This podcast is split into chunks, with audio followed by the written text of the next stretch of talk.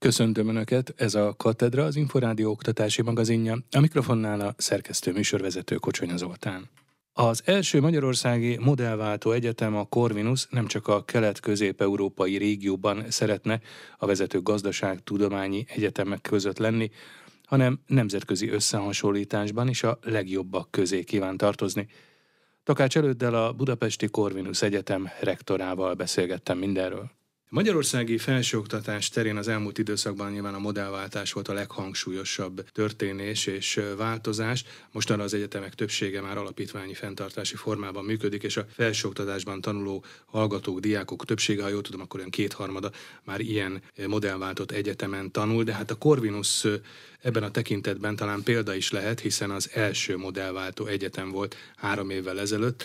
Talán érdemes összegeznünk azt, hogy három év elteltével mi az, ami változott a Corvinus Egyetem esetében, és hogyha mondjuk megnézzük egyetemi rangsorokat, külföldi megítéléseket szoktak ilyenkor számba venni, akkor miben változott a Corvinus Egyetem helye vagy szerepe? Lehet, hogy egyszerűbb lenne megállapítani azt, hogy arról beszélni, hogy mi nem változott a Corvinus Egyetemen, mert rengeteg, rengeteg minden megváltozott. Nyilván vannak szervezeti változások, belső változások, amiket, amik esetleg kevésbé érzékelhetőek. Én mondanék néhány dolgot, mi történt az elmúlt három évben. Az elmúlt három évben elkezdődött egy intézményi kultúraváltás, ahol a kutatást és a kutatáson alapuló oktatásra helyezzük a hangsúlyt. A legnevesebb kategóriai Q1-es publikációknak a száma. Uh-huh. Ez a Q1-es az azt jelenti, hogy a publikációkat, ha felosztjuk negyedekre, amikor van száz újság, akkor a 25 legértékesebb a Q1-es, a felső negyedbe tartozó újságoknak. Ezeknek a Q1-es publikációknak a száma három év alatt több mint háromszorosára növekedett, ez plusz 200 Ugye ez azért is érdekes, mert a Magyarországi Egyetemek több helyütt is olvastam erről, pont ebben a tudományos publikációkban és a tudományos publikációk nemzetközi idézettségében azért lemaradásban voltak. Így van, és de ez, ez egy olyan örökség, ami még a szocializmusnak az öröksége. Ugye a, a, a szovjet modellben volt az akadémia, ami a tudományos kutatásnak a helyszíne, és volt az egyetem főiskola, ami az oktatásnak a helyszíne. Az a markáns teljesen elvált egymástól a kutatás és az oktatás. És ebben a modellben nyilván az, hogy egy egyetem kevesebbet publikál, az, az a semmi probléma nem volt. Mi viszont az amerikai modellt követnénk. Azaz az egyetem az Az egyszerre, egyetem kutatóhely is egyúttal. Így van, az, egyetem a, az egyetemről, és ez a mérce. Ezt a mércét szeretnénk meghonosítani, ahol az egyetemen kutatás és oktatás van együtt. Mert ez az a modellem úgy látszik jól ki tudja szolgálni azokat a, az igényeket, mert ugye mire van szükség és ha ez egy kicsit visszamegyünk időben, miért alakult ez ki? És a 19. Század, 19. század második fele az amerikai egyetemeken megjelent az az igény, hogy egyre szofisztikáltabb gazdaság számára szakértőket kell képezni. Ugye a közoktatás arra volt válasz, hogy nagy mennyiségben ipari alapirodai munkákra alkalmas munkaerőt kell képezni, és itt is az amerikaiak egyébként élen jártak a közoktatás reformjában, és az egyetemen meg arról volt szó, hogy hogyan lehet nagyon szofisztikált specialistákat képezni. És a probléma az az volt, hogy az egyetem vezetője nem tudja, hogy az adott szakterületen ki a legjobb ember. Mert a harmadik vagy a tizedik legrosszabb ember is többet tud a saját szak- szakterületéről, mint mondjuk az egyetemi vezető, aki egy generalista. És a kutatási teljesítménnyel nem csak növeljük azt a mindenki számára rendelkezésre álló tudásbázist, amivel megkönnyítjük mondjuk a gazdasági döntéshozók munkáját, hanem egyúttal el is helyezzük a kutatókat egy szakmai rangsorban és nem csak elhelyezzük, de folyamatosan továbbképzésre, és folyamatosan kiválóságra ösztönözzük őket a kutatással.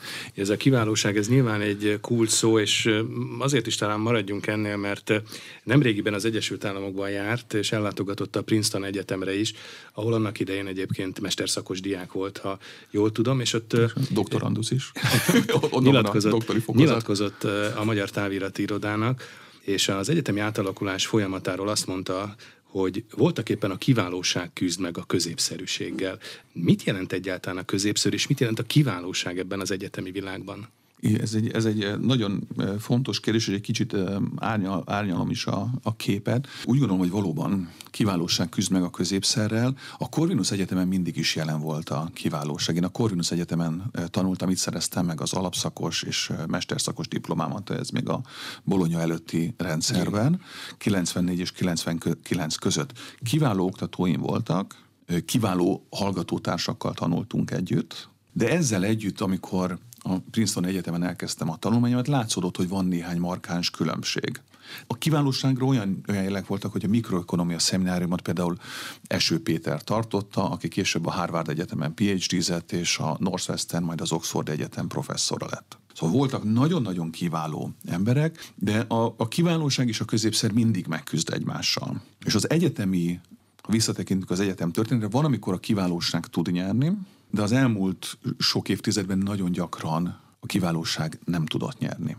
De ennek és, működésbeli vagy működtetésbeli vetülete van, mert hát ha megnézzük, akkor hosszú évekre visszatekintve azért a Corvinus Egyetemen mindig nagyon magasak voltak a felvételi ponthatárok, mhm. gondolom a legjobb képességű, legjobb felkészültségű diákok nyertek oda felvételt. Nyilván azért mentek oda, mert azt sejtették és azt vélelmezték, hogy itt nagyon magas színvonalon zajlik az oktatás, tehát hogy az oktatók is nagyon magas szintű tudást képviselnek. És igazuk is volt, és ez, ez, a, ez, a, ez a képárnyalás, hogy a hallgatók, a legkiválóbb hallgatók akkor is, és egyébként most is a Corvinus Egyetemre jönnek, jó oktatást kapnak, de ami látszik már, és ez a, ez a, ez a, ez a kritikus pont, hogy durván 10-15 százalék különbség van a Corvinusra felvett és beiratkozott hallgatók között. Ezek nem más magyarországi egyetemre mennek el, hanem külföldi egyetemeket választanak. És ahogy nőnek a pontszámok, úgy egyre nő ez a, ez a, ez a rés a beiratkozott és a felvett hallgatók között. Nem arról van szó, hogy más Magyarországi Egyetem jobban eltalálta ezt, hanem a hallgatók azt ismerik föl, hogy vannak külföldi egyetemek, ahol az a típusú oktatás, amit ők szeretnének, az jobban megvan. Én, én is ezt láttam, amikor elmentem a Princeton Egyetemre. Nyilván Princetonnal nagyon nehéz versenyezni, és nem is ez, a, ez az azonnali cél, de az cél, hogy ne csak a magyar piacon nézzük, hanem próbáljunk meg felnőni a jó európai egyetemeknek a, a színvonalára, hogy mondjuk a régióban mi legyünk a, az egyik legjobb egyetem, vagy mm. az egyik vezető egyetem. Most egyébként éppen a napokban kijött egy, egy mérés, egy párizsi székhelyű cégnek a mérés, és a régió legjobb üzleti iskolái között jegyzik a Corvinus a harmadik helyen. Egyébként talán érdemes elmondani, hogy kik vannak az első két helyen, például a Prágai, a Varsó és a Jubjanai Közgazdaságtudományi Egyetemek, mm. de hát ez az élboly. Tehát azt jelenti, hogy ők a versenytársaink most itt a, ebben a közép-kelet-európai régióban? A régióban abszolút ők a versenytársaink, de hogyha a magyar hallgatóknak adott értékajánlatban gondolkodunk, akkor versenytárs a VU például. Versenytárs lehet az Amsterdami Egyetem is. Uh-huh. És ez nem azt jelenti, hogy nekünk mindenben, minden területen, minden szakon jobbnak kell lenni, mint Amsterdam, de azt jelenti, hogy valamiben jobbnak kell lennünk, valamiben egyedi értéket kell adnunk a hallgatóknak. És e, ebben az értelemben küzd meg a, a kiválóság a középszerrel. És nagyon egyszerű beleesni abba a csapdába, hogy azt mondjuk, hogy hát a Corvinus Egyetem jól működik, mert alapvetően jól működik. Nagyon egyszerű azt mondani, hogy akkor nem is kell semmit se változtatni. Hát ide, Corvinus Egyetemre jönnek a legjobb hallgatók. A Corvinus Egyetemen végzett diákok itt és most, az a modellváltás előtt végzett diákok 30-40 százalékkal többet keresnek, mint egy másik egyetemen hasonló szakon tanuló diákok. Hát ez kiváló. De ha megnézzük azokat a, az indikátorokat, az olyan elit tanácsadó cégek, mint a McKinsey-nél a felvetteket, azt kezdjük látni, hogy bizony a felvett osztályban egyre több olyan diák kerül be, aki magyar, de külföldön végzett. Szóval valahol, valahogy kapnak egy olyan pluszt, amivel nekünk fel kell venni a versenyt, és ez a cél. Ezért van szükség arra, hogy megerősítsük ugye a kutatást, erről beszéltünk. A, mert ugye a kutatás alapon képződik az a kiválóság, ami később le tud csapódni az oktatásban. Ezért törekszünk arra, hogy csökkenjenek a, a szemináriumi létszámok. Most elindítottunk egy olyan reformfolyamatot. Az oktató-hallgató arány, ez, ez is egy így, fontos így, szempont az egyetemek megítélésében. Így van, szóval a, a, a, mondjuk a, és nézzük meg ugye a hallgató-oktató arányt, a Corvinuson ez 23-24 volt amikor én rektorként elkezdtem dolgozni. Most elindítottunk egy olyan folyamatot, főként a hallgatói létszám normalizálása révén, ahol 2025-26-ra elérünk oda, hogy ez 12-13 És ez már jó? Tehát ez mondjuk ez a mintának London, tekintett... Ez a London School of Economics hmm. szintje, ami Európában egy vezetőhely. Szóval innentől kezdve mennyiségi problémánk nincs. Tehát ha jól értem a szavait, akkor, akkor az a cél, hogy a Corvinus Egyetem néhány éven belül. Ugye voltak itt meghatározott időpontban is megjelölt célok, ugye, hogy 2030-ra vezető száz legjobb egyetem között uh-huh. legyen Európában a Corvinus Egyetem, de a háttérben azért az is ott van, amit talán annak idején a rektori pályázatában is megemlített és írt, hogy a magyarországi diákokat, akik felsőoktatási egyetemet választanak, akkor ne egy külföldi egyetemet válasszanak, hanem válasszák a Corvinus Egyetemet, vagy egy hazai gazdaságtudományi képzést, mert uh-huh. hogy jó esély van arra, hogy ugyanazt a színvonalat, vagy ugyanazt a szintet megkapják Így ezen van. az egyetemen. Így van, és, és lehet, hogy a, a, a hallgatók, és az egy teljesen természetes emberi dolog, hogy valaki szeretné látni a világot. Hogy hát erre vannak különböző ösztöndíjak. Erasmus így van, vannak ösztöndíjak, egyéb... így van, meg, meg tudja nézni a világot, ha akar, de végezze el az alapképzést itt Magyarországon, legyenek, legyen magyar hmm. kapcsolatrendszere, ismeri a magyar szaknyelvet, a, a magyar kollégákat, és akkor ő, ő már kötődik a magyarországi felsőoktatási hallgatók valamivel több mint fele küzd enyhe vagy közepesen súlyos lelki problémákkal. Ez derült ki a Felsőoktatási Tanácsadás Egyesület kutatásából. Kalapos Mihály kérdezte Karner Orsolya kutatásvezetőt, az Ötvös Lorán Tudományegyetem pedagógiai és pszichológiai karának egyetemi adjunktusát. A kutatás az több mint tízezer résztvevővel zajlott. A végső kiértékelésbe kb. 7600 esetet tudtunk bevonni, tehát ők voltak azok, akik teljes körűen kitöltötték a kérdőívet. Az ország egész területéről érkeztek válaszok, 64 darab egyetem van Magyarországon, és 47 egyetemről jöttek válaszok, tehát azt mondhatjuk, hogy elég jól lefettük a, az országot ilyen szempontból. Ebben egyetemi hallgatók vettek részt, ami azt jelenti, hogy bármilyen képzési szinten tanuló tanuló hallgatók kitölthették ezt, illetve bármilyen tagozaton. 85%-ban egyébként nappali tagozatos hallgatók töltötték ki, és a képzési szintet tekintve pedig túlnyomó részt alapképzésen résztvevő hallgatók voltak, illetve mesterképzésen és osztatlan képzésben résztvevő hallgatók. Mit kérdeztek, mire voltak kíváncsiak, és milyen következtetéseket lehet levonni a válaszokból? Nagyon sok kérdést tettünk föl, mert ez egy ilyen feltáró kutatás volt. Ebben a populációban ilyen széleskörű lekérdezés nagyon régen nem volt már, ezért igazából egy ilyen keresztmetszeti látleletet szerettünk volna erről a mintáról kapni.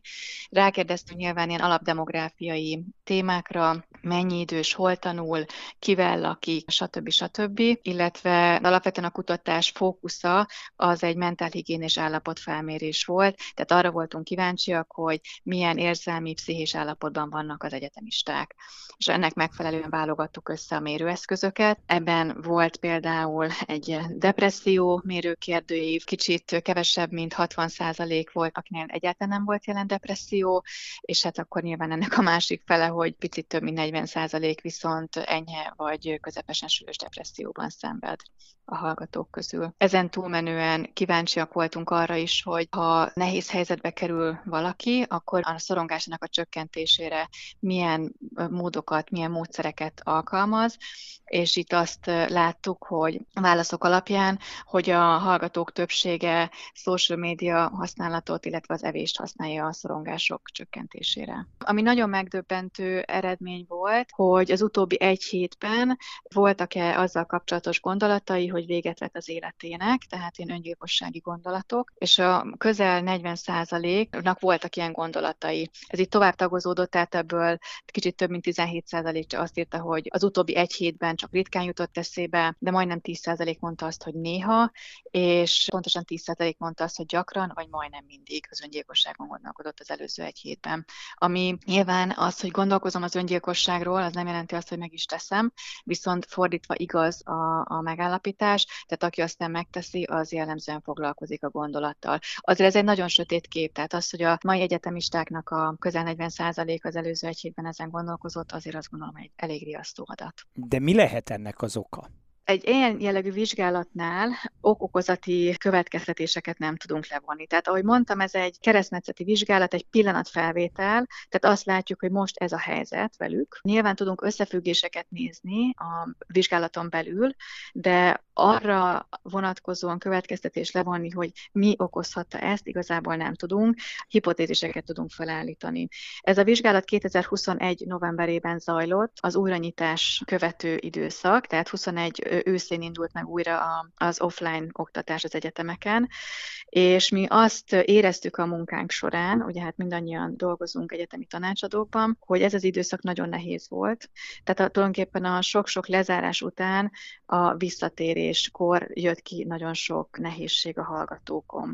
Tehát azt gondoljuk, hogy ez egy nehéz időszak volt nekik is. Egyébként ezek a különböző életvezetési tanácsadók, az egyes egyetemek életvezetési tanácsadói mennyiben tudnak segíteni ezeken az egyetemistákon? Nagyon sok egyetemen van már ilyen tanácsadó központ, különböző elnevezéssel van, ahol diák tanácsadónak hívják, van, ahol életvezetési tanácsadó, ami közös bennük, hogy a legtöbb ilyen helyen pszichológusok is dolgoznak, és hát nagyon változatos problémákkal jönnek hozzánk a hallgatók, de hogy ez a kutatás is mutatja, ezek nem olyan problémák, amit esetleg az ember azt gondolja, hogy az egyetemista éveink a legboldogabb évek, ugye ez minden csak a buliról szól, hanem az látszik, hogy nyilván van most is az egyetemisták között egy ilyen réteg, de hogy nagyon sokan vannak azok, akik nehézségekkel küzdködnek. Hogy mondjak egy párat, tehát ennek az életkornak egy fontos feladata az, hogy egy fiatal felnőtt ugye leváljon a származási családjáról, tehát a szülőkről való leválás egy fontos életfeladat, ami sokszor elakad vagy nehezített, és itt ugye megint behozom, hogy miért vannak ilyen rosszul,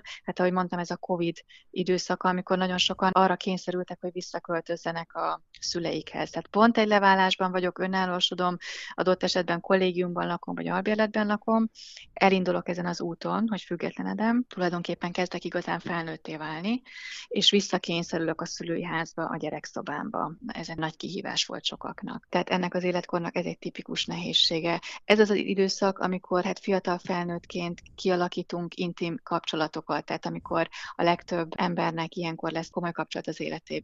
Nyilván ez is a párválasztás egy ilyen nem egy egyszerű kérdés sok esetben, és sok nehézséget tud okozni. Az egyetemi szak is egy ilyen lehet, hogy jó helyen vagyok, hogyan építem majd tovább a karrieremet, mivel is szeretnék dolgozni, ki is vagyok én valójában. Tehát ezek mind-mind olyan témák, amik napi szinten előfordulnak a praxisunkban. Idén 22. alkalommal adták át a természettudományos tárgyakat oktató pedagógusoknak járó Rácz tanár úr életműdíjat.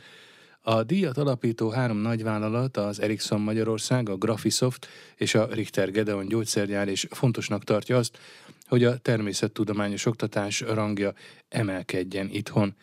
Az Ericsson vezérigazgatója Éri Gábor Sípos Ildikónak nyilatkozott. 22 évvel ezelőtt az Ericsson Magyarország, a Graphisoft és a Richter Gedeon vezetői elhatározták, hogy valamilyen módon a középiskolai tanárokat, akik a természettudományos tárgyakat oktatják, el kéne ismerni valamilyen módon, és ezért alapítottuk a Rásztanár úr díjat. Rásztanár úr, annak idején a Fasori Gimnázium matematika, fizika tanára keze alól olyan Nobel-díjas tudósok jöttek ki, mint például Wigner Jenő, és egy egész korosztálynak meghatározta az életét és a tudományos szemléletét. Miért gondoltuk, hogy fontos a középiskolákat támogatni, illetve a tanárokat azért, mert mindhárman komoly kutatásfejlesztési központot üzemeltetünk Magyarországon. Ide természettudományos karokról, egyetemekről jönnek elsősorban mindjárt végzett friss diplomások, viszont ahhoz, hogy minél több jó tudású egyetemista legyen már a gimnáziumban nagyon fontos a természettudományos oktatás. Ez volt tehát az eredeti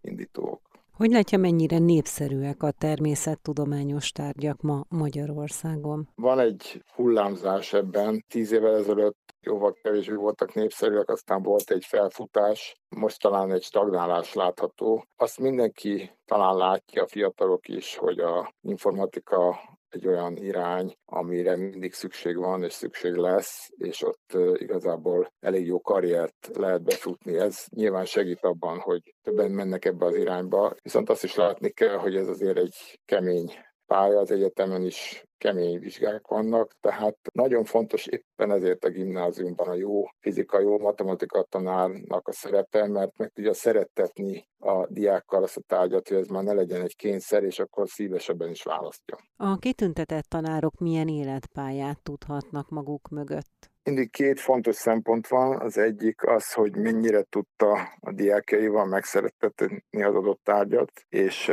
általában az egyik ilyen díj elsősorban ezt célozza. Nagyon fontos itt az ajánlás is.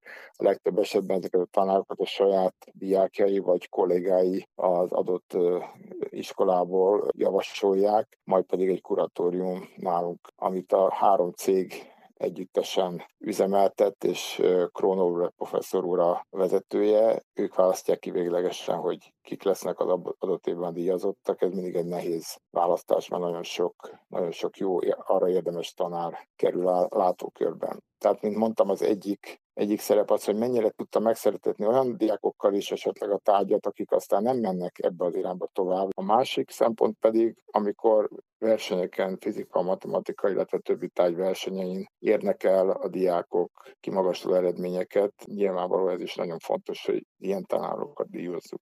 Katedra. A Tudás magazinja oktatásról, képzésről, nevelésről. Ez volt a Katedra, az Inforádió oktatási magazinja. Megköszöni figyelmüket a szerkesztő műsorvezető Kocsonya Zoltán azzal, hogy várom Önöket egy hét múlva, ugyanebben az időpontban ugyanitt. Addig is magazinunk korábbi adásait meghallgathatják az Inforádió internetes oldalán az infostart.hu címen. Viszontalásra!